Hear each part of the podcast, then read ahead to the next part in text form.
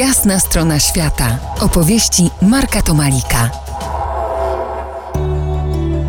Karolina Kwiecień i Marek Tomalik po jasnej stronie świata. Karolina jest religioznawcą. Rozmawiamy o Huzurszczyźnie. Wybierzmy się na huzulskie wesele. Karolina, byłaś tam weselnym gościem. Weselisko było na dwie wsie. Y, na jedną. Państwo młodzi byli z jednej wsi, chociaż rzeczywiście bywa tak, że jeżeli są z różnych wsi, to jest na dwie wsie, no bo zaprasza się rzeczywiście no, mnóstwo osób. Wesele było ogromne. Trwało dwa dni. E, W sobotę było wesele cywilne. Przyjeżdżał ktoś z urzędu gminy udzielać ślubu i państwo młodzi byli normalnie w, sukien, w sukni ślubnej i w garniturze. Natomiast w niedzielę była ta część tradycyjnych ceremonii.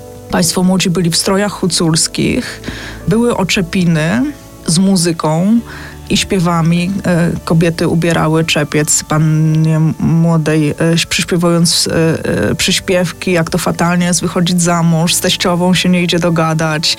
Teraz już tylko poniewierka i ciężka praca i, i w ogóle życie się kończy. I następnie młodzi udają się do cerkwi w strojach huculskich i koniecznie na koniu, ponieważ hucuł na swój chrzest, ślub i pogrzeb piechotą nie chodzi.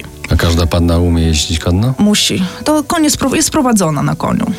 Oni tam, myślę, że e, dużo, to, na wsi to dużo tych koni jest, to jakaś nie, nie pierwszyzna, ale jak nie, nawet nie umie, no to, to nie sztuka jest wsiąść na konia, jeżeli się go za uzdę poprowadzi. I rusza pochód e, młodych e, i za nimi gośćmi, goście e, do kościoła, do cerkwi.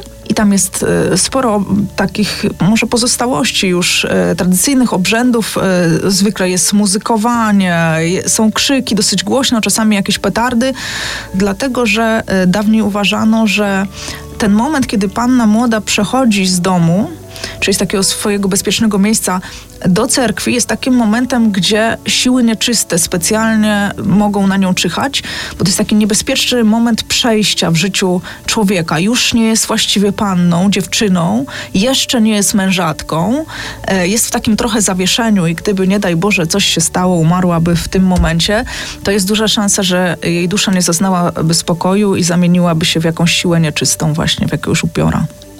A jak sobie radziłaś z kodami kulturowymi? Jakieś pas popełniałaś? Tak. Pas popełniałam. To była taka śmieszna historia. Byliśmy, to było wiele lat temu, byłam na tym weselu, byliśmy jeszcze studentami. Przywieźliśmy z Polski czajnik elektryczny e, darze i wiedzieliśmy, że też daje się pieniądze. Nie mieliśmy za bardzo kogo zapytać, ile tych pieniędzy się daje, więc zapytaliśmy naszych e, sąsiadek staruszek i najwyraźniej miały zupełnie nieaktualne dane. O północy nastąpił taki, taka ceremonia, która się nazywała połnica. Otóż państwo młodzie zasiedli przy stole głównym ze starostą i starosta przez mikrofon wywoływał każdą rodzinę z osobna. Rodzina podchodziła i ofiarowywała pieniądze, dary i tak dalej. I wyczytywano, ile dali. My byliśmy na końcu wyczytywani, to nie, niewiele musieliśmy dać, ale mieliśmy chyba 100 hrywien. I przyszliśmy, przyszliśmy z tym, i to było rażąco mało. I wtedy pan młody otworzył kopertę, spojrzał na starostę, a starosta powiedział: Karolina i Sebastian podarowali młodym 100 dolarów. Zostaliście uratowani. Za kilkanaście uratowani. minut porozmawiamy o wyobrażeniu zaświatów w huculskiej kulturze ludowej. Zostańcie z nami po jasnej stronie świata.